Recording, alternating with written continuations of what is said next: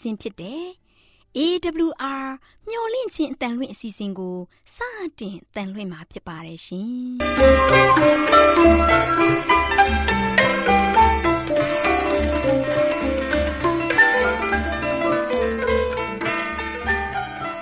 ဒေါက်တာရှင်များခင်ဗျာမျော်လင့်ခြင်းအတန်မြန်မာအစီအစဉ်ကိုနက်နက်6နိုင်မိနစ်30မှ9နာရီအထိ16မီတာ kHz 10653ည ညပိုင်း9နာရီမှ9နာရီမိနစ်30အထိ16မီတာ kHz 15533ညမှနေ့စဉ်အတန်လှွင့်ပေးနေပါတယ်ခင်ဗျာဒေါက်တာရှင်များရှင်ဒီကနေ့တင်ဆက်ထုတ်လွှင့်ပေးမယ့်အစီအစဉ်တွေကတော့ကျမ်းမာပျော်ရွှင်လူပေါင်းတွင်အစီအစဉ်တရားဒေသနာအစီအစဉ်အထွေထွေဘုဒ္ဓအစီအစဉ်တို့ဖြစ်ပါတယ်ရှင်ဒေါက်တာရှင်များရှင် our temperament 11 ကျန်းမာခြင်းသည် လူသားတိုင်းအတွက်အဓိကအရေးဖြစ်ပါသည်။ဒါကြောင့်ကိုရောစိတ်ပါကျန်းမာစေဖို့ယင်ကျန်းမာခြင်းတည်ငောင်းကို တင်ဆက်ပေးလိုက်ပါရရှင်။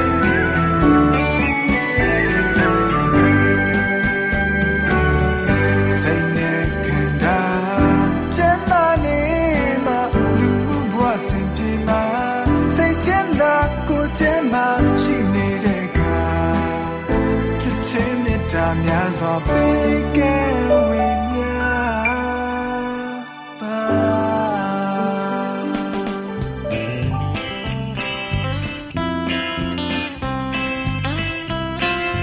တရှိမိတ်ဆွေများရှင်လူသားတို့အသက်ရှင်ရေးအတွက်အစာအာဟာရကိုမျှဝဲစားတောက်နေကြရတယ်ဆိုတာလူတိုင်းသိပါပဲ ဒီလိုမျှဝဲစားတောက်ကြတဲ့အခါစားတောက်မှုမှန်မှန်ကန်တာတွေစားတောက်မှုအချိန်မတော်တာတွေကြောင့်ကျန်းမာရေးထိခိုက်လာလို့ယောဂဗျာတွေတိုးပွားပြီးဒုက္ခဝေဒနာတွေခံစားကြရတာဖြစ်တယ်ဒါကြောင့်အစာအာဟာရတွေကိုကျန်းမာရေးနဲ့ညီညွတ်အောင်ဘယ်လိုစားတောက်သင့်တယ်လဲဆိုတာသိရှိဖို့အတွက်ကျမတို့မျှဝင့်ခြင်းအသားမထုတ်လွှင့်ပေးမယ်အစာအာဟာရဆိုင်ရာအကြံပေးချက်တွေကိုလေ့လာမှတ်သားကြပါစို့တောတာရှင်များရှင်ဒီကနေ့ ကလေးတွေအတွက်အစာပြင်ဆင်ခြင်းဆိုတဲ့အကြောင်းနဲ့ပတ်သက်ပြီးတင်ပြပေးမှာဖြစ်ပါတယ်တောတာရှင်များရှင်ကလေးတွေအတွက်အစာပြင်ဆင်ရတာတိတ်ပြီးတော့ဂရုစိုက်ဖို့လိုတယ်တခါတလေကလေးတွေဟာအသားတို့ကိတ်မုတ်တို့မပါရင်မစားဘူးလို့ပြောတာကြားဘူးကြပြီလိမ့်မယ်ခလေးတွေနေ့လယ်စာစားတဲ့အစားအစာတွေနနက်စာစားတဲ့အစားအစာတွေကိုလည်းတတိထားမိကြလိမ့်မယ်ဂျုံနဲ့ပြုတ်လုထားတဲ့ပေါင်မုတ် အကွေးလိုက်လှီးပြီးငရုတ်ကောင်းမုတ်ဖြူထားတဲ့ဟင်းခအမွေးကြံရနတ်များတဲ့အသားတွေအသီးအရွက်စားစိမ်ပေါင်မုတ်စားတဲ့အစာတွေကိုခလေးတွေကိုကျွေးနေတတ်ကြတယ်အဲ့ဒီလိုခလေးတွေရဲ့အသားရည်ဟာဖြော့တော့၆ခန်းနေရခြင်းမှာသူတို့ရဲ့အစာအိမ်တို့ရဲ့မကြမ်းမမာမှုကိုဖော်ညွှန်းနေခြင်းဖြစ်တယ်။တချို့မိခင်တွေဟာကျမတို့ကလေးတွေကဒါကိုတိတ်ကြိုက်တာဟိုဟာကိုတိတ်ကြိုက်တာ အစားပြက်ရင်အစာအိမ်ဒုက္ခရောက်မှာဆိုလို့သူတို့ကြိုက်တာတွေကိုတွေးပေးရတယ်လို့မိခင်တွေကပြောတတ်ကြလိမ့်မယ်။အဲ့ဒီကလေးတွေရဲ့ကတွင်တောင်းတမှုဟာဖောက်ပြန်မှုမရှိသေးဘူးဆိုရင်အဲ့ဒီမိခင်ရဲ့ဖွင့်ဆိုချက်ဟာမှန်ကန်ပါတယ်လို့ပြောနိုင်မယ်။ဒါပေမဲ့ရှိရင်ဆွဲကတွင်တောင်းတမှုဖောက်ပြန်နေတဲ့ကတွင်တောင်းတမှုဆိုပြီးနှမျိုးရှိတယ်။ကလေးတွေကရှွန့်မြေကြောက်တံမီးကျွန်းနေတဲ့ကော်ဖီလက်ဖက်ရည်တစ်ကြပိုးခောက်လေးညင်းပွင့်မဆလာ ဒါတွေကိုကတွင်းတွေ့နေတဲ့အခြေရောက်အောင်ကျမ်းမာရေးကိုထိခိုက်စေတဲ့သွေးကြွစေတဲ့အစာတွေကိုစားတတ်အောင်သွန်သင်ခဲ့တဲ့မိဘတွေဟာအစာအိမ်ကတောင်းဆိုချက်အတိုင်းကတွင်းတောင်းတနေတယ်လို့မဖွင့်ဆိုသင့်ပါဘူးမကောင်းတဲ့အစာတွေကိုဆွဲလန်းနေတဲ့အခြေအထိကတွင်းကိုမှားယွင်းစွာကျင့်ပေးခဲ့ကြတာဖြစ်တယ် နုညံ့တဲ့အာယုံခံစားမှုတွေဆုံးရှုံးသွားတဲ့အထိအစာအိမ်မှာရှိတဲ့အရေးပါတဲ့အင်္ဂါအစိတ်အပိုင်းတွေပျက်စီးခဲ့ပြီဖြစ်တယ်။ရိုးစင်ပြီးကျမ်းမာရေးကို အထောက်အကူပြုမဲ့အစာတွေကိုကတွေးမတွေ့တော့ဘူး။သွေးကြွစေမဲ့အစာတွေကိုမထည့်ပေးရင် အစာအိမ်ဟာအစာကိုမချက်တော့ပါဘူး။တကယ်လို့သာအသားတွေအစီတွေနဲ့ဟင်းကအမွေးကြံတွေကိုမကြွေးပဲငကိုရှိရင်ဆွဲအင်္ဂါအစိတ်ပိုင်းတွေကိုတတ်နိုင်သမျှထိမ့်သိမ့်စေမဲ့ ရိုးစင်းတဲ့အစာတွေကိုအယိုးဆုံးနီးနဲ့ပြုပြင်ပြင်ဆင်ပြီးနှုတ်ဆိုတငယ်ဘဝကစပြီးကျွေးခဲ့ကြမယ်ဆိုရင်ဒီလိုကတွင်းပြက်စီးလိမ့်မှာမဟုတ်ပါဘူးသူတို့ရဲ့တဘာဝအခြေအနေမှာအစာအိမ်ရဲ့လိုအပ်ချက်တွေအတိုင်းအကောင်းဆုံးအစာတွေကိုကတွင်းတောင်းနေကြလိမ့်မယ်တတချို့သားမိသားဖတွေစားတဲ့အစားအစာတွေဟာကောင်းတဲ့သွေးသားဒါမှမဟုတ်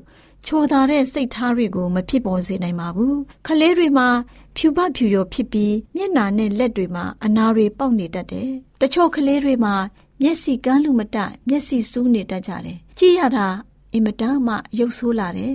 တချို့မှာအသားရည်ကောင်းပေမဲ့ချောင်းဆိုးတာတွေအသက်ရှူကျက်တဲ့ဝေဒနာတွေနာရည်ယိုတဲ့ဝေဒနာတွေကိုခံစားနေကြရတယ်ကလေးငယ်လေးတူဟာအကွင်းလိုက်လှီးပြီးပြုတ်ထားတဲ့အသား စားရည်စိမ်တစ်ခုနဲ့ပေါင်မုတ်ထောပတ်တုပ်ကို စားနေတဲ့အချိန်မှာသူမကိုပန်းသီးတစ်လုံးပေးလိုက်လို့ရှိရင်သူမဟာအဲ့ဒီပန်းသီးကိုလူယူပြီးတော့ကျမ်းပြင်ပေါ်ကိုလွတ်ပစ်လိုက်ပါလိမ့်မယ်။အလိုရမဲ့ကြီးချင်းကိုဒီလိုဖြစ်ပေါ်ပေါ်လွင်ထင်ရှားစေရခြင်းဟာမိခင်ရဲ့လောကပျော်မွေ့ခြင်းလိုက်စားမှုဆိုင်ရာရလဒ်ဖြစ်တယ်။မိမိကလေးငယ်အတွက်သူမပြင်ဆင်ပေးတဲ့အစာတွေဟာ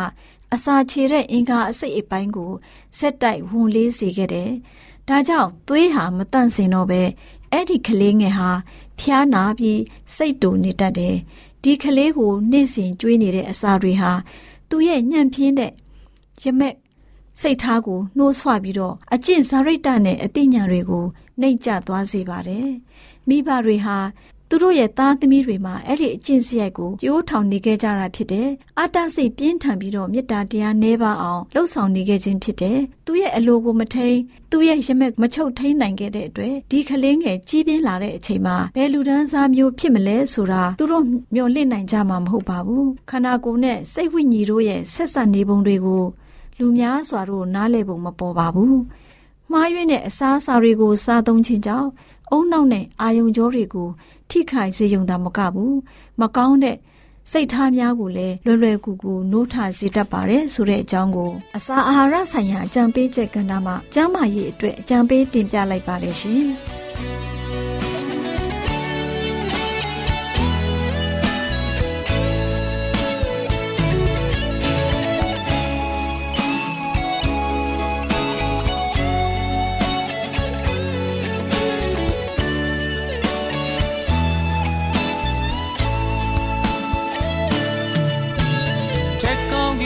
တောက်တဲ့ရွှေပြည်တော်ထာဝရိုင်းတော်ကိုမွေခံမှုလေဝမ်းနေခြင်းတော့ကများဖယ်ရှင်ခဲ့ပြီးယုံသူတွေသက်ဆိုင်ရင်မတစီနေကောင်းကျိုးကျွယ်ဝဆူလက်ခံစားဒုက္ခရွှေနံပေါ်ဘုံကြောင့်ပါလင်း၌ပင်ကျွန်တော်ဝိညာဉ်အစေရှောင်းလန့်ခဲ့တင်ရာပြေဆိုတည်တံ စီစိန်ဆွန့်ခဲ့သူညီသက်ချင်းရှင်လူလူတိုင်းပြည့်နှုံမှာခံယူဖို့ရန်ရဲမလွန်မြောက်ချစ်ခွင်ကိုပေးအံွယ်ကဲ့တင်ရှင်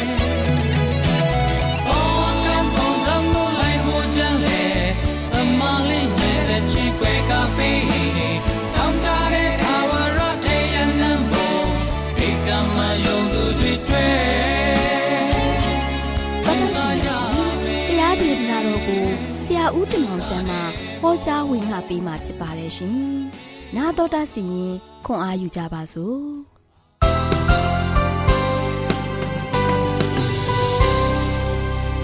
။ချစ်တော်ဓမ္မမိတ်ဆွေပေါင်းတို့မင်္ဂလာပါလို့ရှေ့စွာနှုတ်ခွန်းဆက်သကြပါတယ်။ဓမ္မမိတ်ဆွေများအားလုံးစိတ်ရောကိုယ်ပါကျမ်းမာပျော်ရွှင်လန်းဆန်းကြလိမ့်မယ်လို့လည်းမျှော်လင့်ပါတယ်။ဘာဖြစ်လို့လဲဘုရားသခင်ရဲ့ကောင်းချီးမင်္ဂလာကိုအထူးခံစားနေရတဲ့မိတ်ဆွေများဖြစ်နေတဲ့အတွက်ကြောင့် ဖရာသခင်သည်သင်တို့တူးသည်တူးသည်ပေါ်မှာအမြဲတမ်းမဆာခြင်း၊ကွဲကွာခြင်း၊စောက်ရှောက်ခြင်းအားဖြင့်အမြဲတမ်းကယ်မနိုင်ကယ်မကြကယ်မတော်ဖရာဖြစ်ပါစေလို့လည်းဆုတောင်းဆန္ဒပြုခြင်းပါတယ်။အဲချစ်တော်မိတ်ဆွေတို့ဒီနေ့ကတော့မနေ့ကဖရာသခင်ရဲ့ဂုံပုတ်၄ခုအကြောင်းကိုကျွန်တော်ပြောခဲ့ပြီးပြီ။ဒီနေ့ပထမဆုံးဂုံပုတ်ကိုကျွန်တော်လေ့လာကြရအောင်။ပထမဆုံးဂုံပုတ်ကတော့မလွတ်မြောက်နိုင်သူကိုဖရာသခင်ကယ်တင်နိုင်တော်မူတယ်။မလွတ်မြောက်နိုင်သူကိုဖရာသခင်ကယ်တင်နိုင်တော်မူတယ်။ဒါချစ်တော်မိတ်ဆွေတို့ ဖရာသခင်ကမလွတ်မြောက်နိုင်တဲ့သူ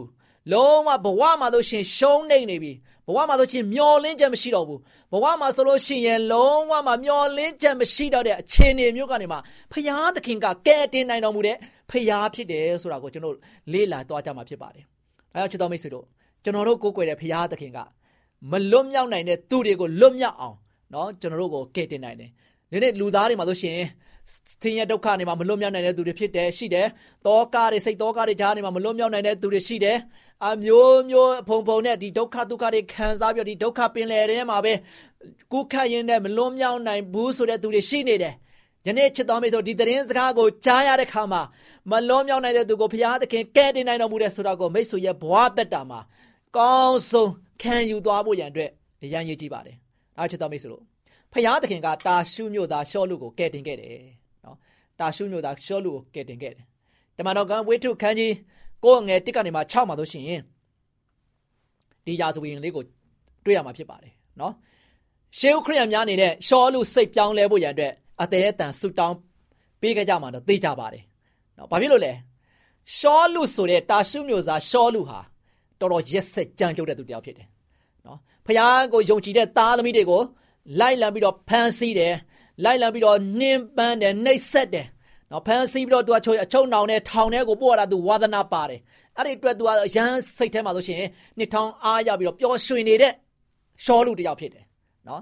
ဒါသူ့အနေနဲ့ဘုရားရဲ့သားသမီးတွေကိုအမျိုးမျိုးနဲ့နှောက်ရှက်တယ်အမျိုးမျိုးနဲ့ညှဉ်းပန်းနှိပ်စက်ရတာကိုတော်တော်ဝါသနာပါတယ်နောက်ဆုံးအသက်တတ်တည်ထိတိုင်အောင်မှသူကဆိုရှင်လှုပ်ဆောင်ပေးခဲ့တယ်ဒါကြောင့်ဒီလိုမျိုးရှောလူ ရဲ့ရန်ကိုကြောက်နေရတာကဘာလဲ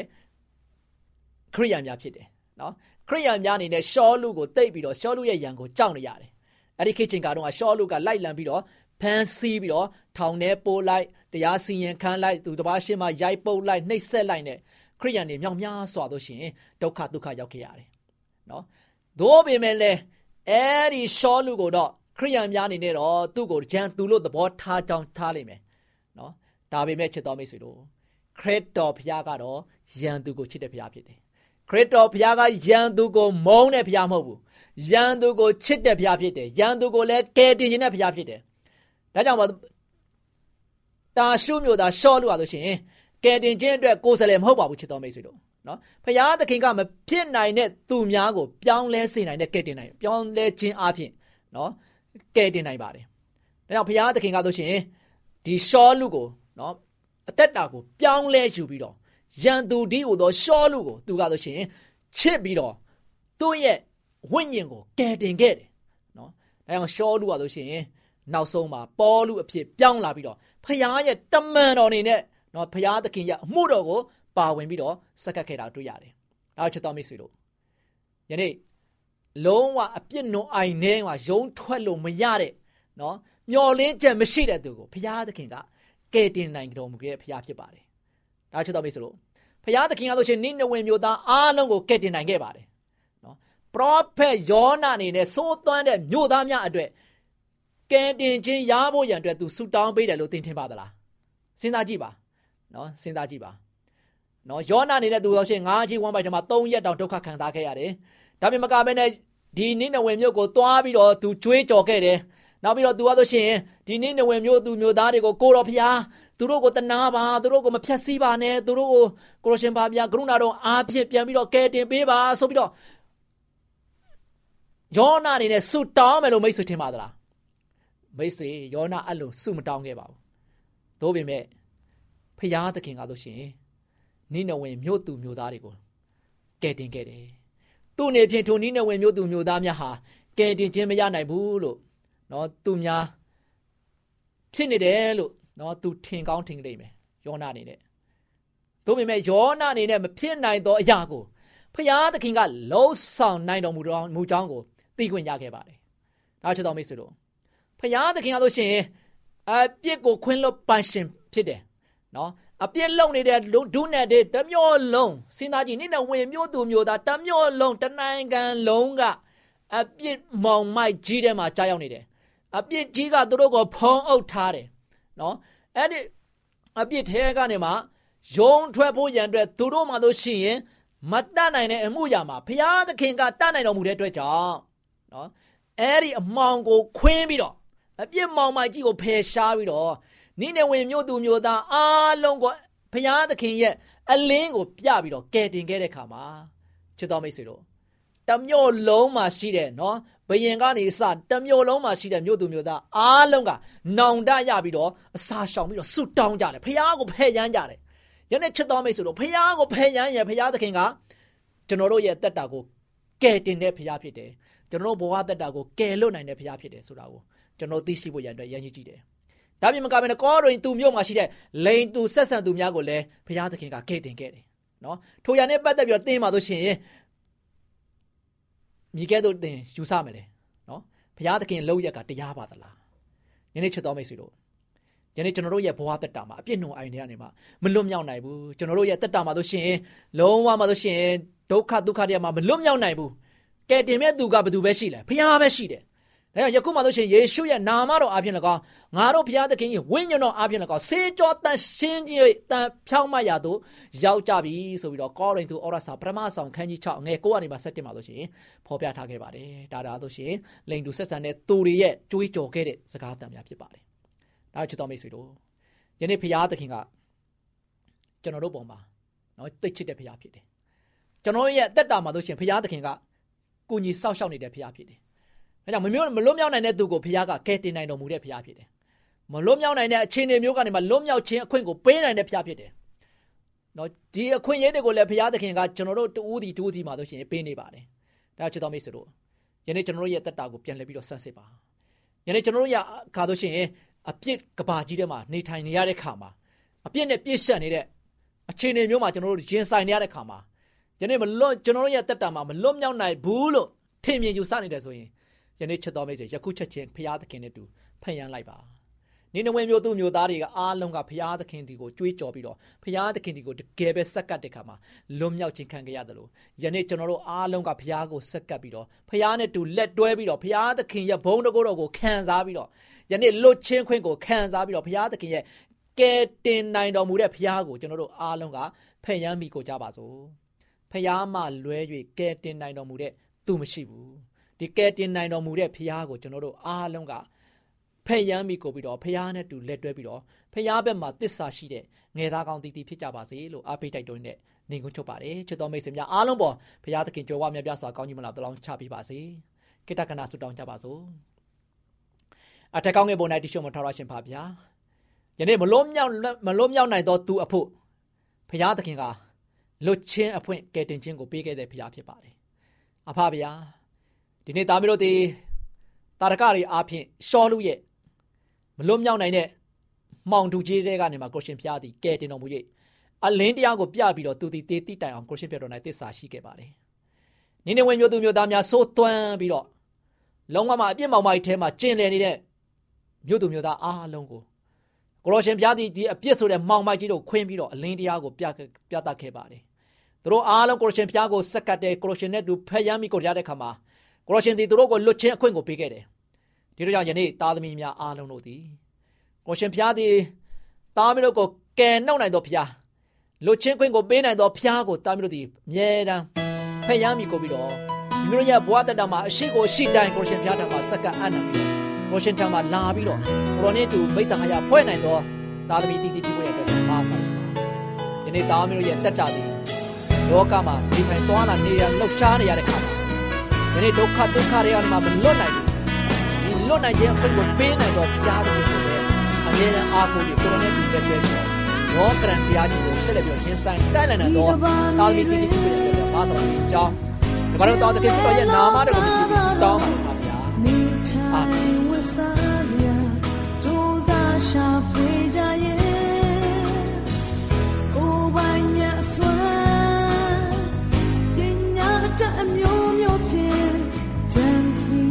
在孤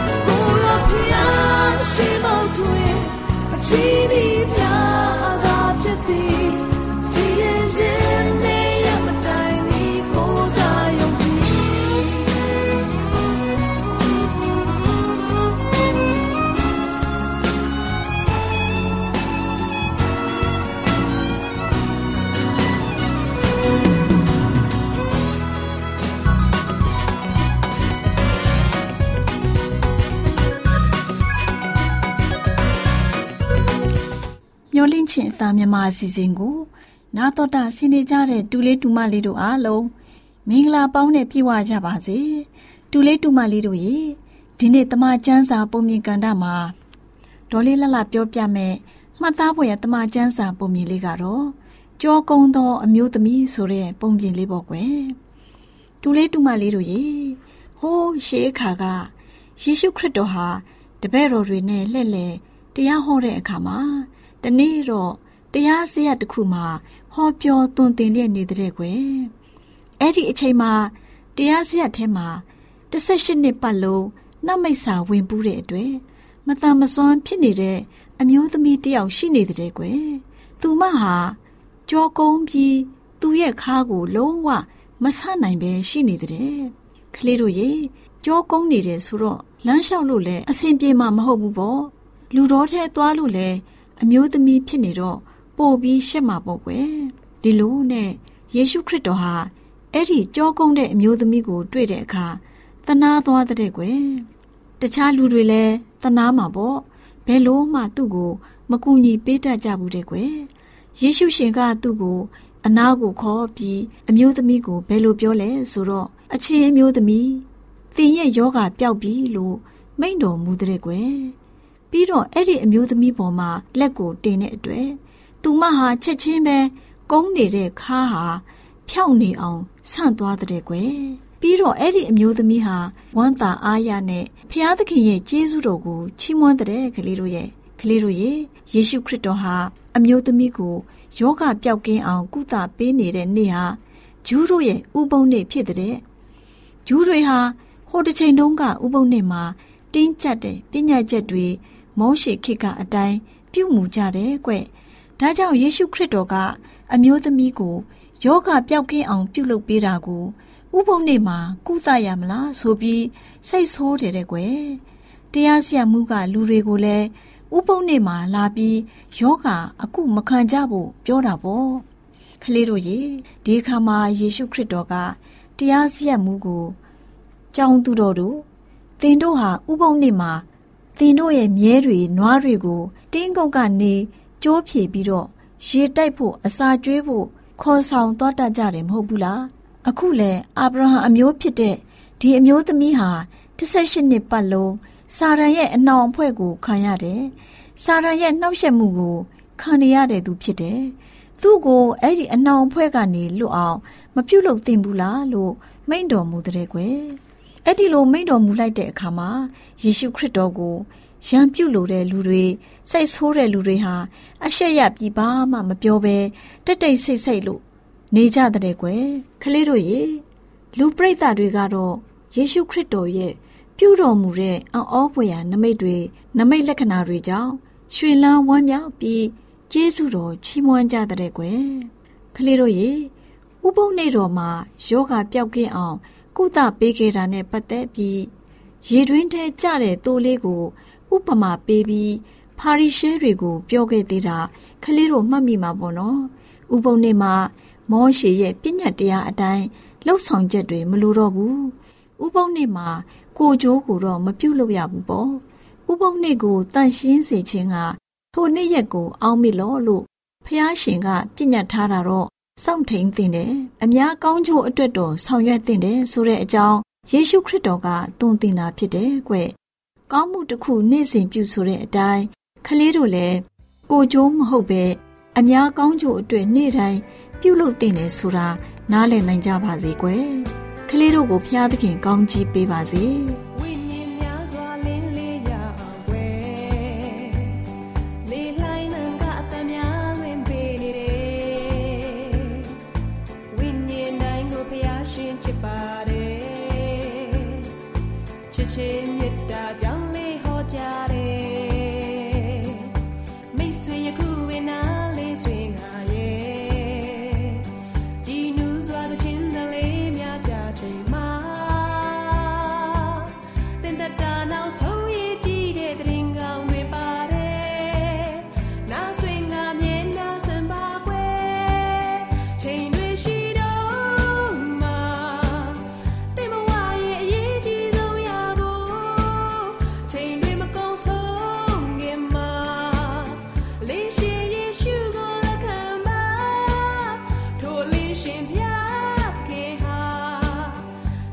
တော်တာရှင်များရှင်ကျမတို့ရဲ့ဓာတ်ရိတ်တော်စပေးစာယူတင်နန်းဌာနမှာ အောက်ပါတင်ဒားများကိုပို့ချပေးလျက်ရှိပါတယ်ရှင်တင်ဒားများမှာစိတ်ဓာတ်ဒုက္ခရှာဖွေခြင်းခရစ်တော်၏အသက်တာနှင့်တုန်တင်ကြများတဘာဝတရားဤဆရာဝန်ရှိပါကျမ်းမာခြင်းနှင့်အသက်ရှိခြင်းသင်နဲ့တင့်ကြမာရေးရှားဖွေတွေ့ရှိခြင်းလမ်းညွန်သင်ခန်းစာများဖြစ်ပါရဲ့ရှင်။သင်တန်းအလုံးဟာအခမဲ့သင်တန်းတွေဖြစ်ပါတယ်။ ဖြစ်ဆိုပြီးတဲ့သူတိုင်းကိုဂုံပြုလွှာချီးမြှင့်ပေးမှာဖြစ်ပါရဲ့ရှင်။တော်တာရှင်များခင်ဗျာဓာတိတော်အတန်းစာပေးစာယူဌာနကိုဆက်သွယ်ခြင်းနဲ့ဆိုရင်တော့ဆက်သွယ်ရမယ့်ဖုန်းနံပါတ်ကတော့39 656 296 336နဲ့39 98 316 694ကိုဆက်သွယ်နိုင်ပါတယ်ဓာတိတော်အတန်းစာပေးစာယူဌာနကိုအီးမေးလ်နဲ့ဆက်သွယ်ခြင်းနဲ့ဆိုရင်တော့ L A L R A W N G B A W L A @gmail.com ကိုဆက်သွင်းနိုင်ပါတယ်။ဒါ့အပြင်အတန်းစာပေးစာဥထာဏာကို Facebook နဲ့ဆက်သွယ်ခြင်းနဲ့ဆိုရင်တော့ S O E S A N D A R Facebook အကောင့်မှာဆက်သွင်းနိုင်ပါတယ်တော်တာရှင်များရှင်ညှိုလင့်ချင်းတန်ရေဒီယိုအစီအစဉ်မှာတင်ဆက်ပေးနေတဲ့အကြောင်းအရာတွေကိုပိုမိုသိရှိလိုပါကဆက်သွယ်ရမယ့်ဖုန်းနံပါတ်များကတော့ 39ကို663 686 826ဖြစ်ပါတယ်ရှင်။နောက်ထပ်ဖုန်းတစ်လုံးနေနဲ့39ကို6 688 666တို့ဆက်သွယ်မြင်းမြန်းနိုင်ပါတယ်ရှင်။တော်တာရှင်များရှင် KSTA အာကခွန်ကျွန်းမှာ AWR မျိုးလင့်ချင်းအတံမြန်မာအစီအစဉ်များကိုအတံလွှင့်ခဲ့ခြင်းဖြစ်ပါတယ်ရှင်။။ AWR မျိုးလင့်ချင်းအတန်ကိုနာတော်တာဆင် gay ကြတော့တော်တာရှင်အရောက်တိုင်းပေါ်မှာ ဖျားသခင်ရဲ့ကြွယ်ဝစွာသောကောင်းကြီးမင်္ဂလာတက်ရောက်ပါစေ။ကိုယ်စိတ်နှဖျားစမ်းမွှေနှမ်းကြပါစေ။ကျေးဇူးတင်ပါတယ်ခင်ဗျာ။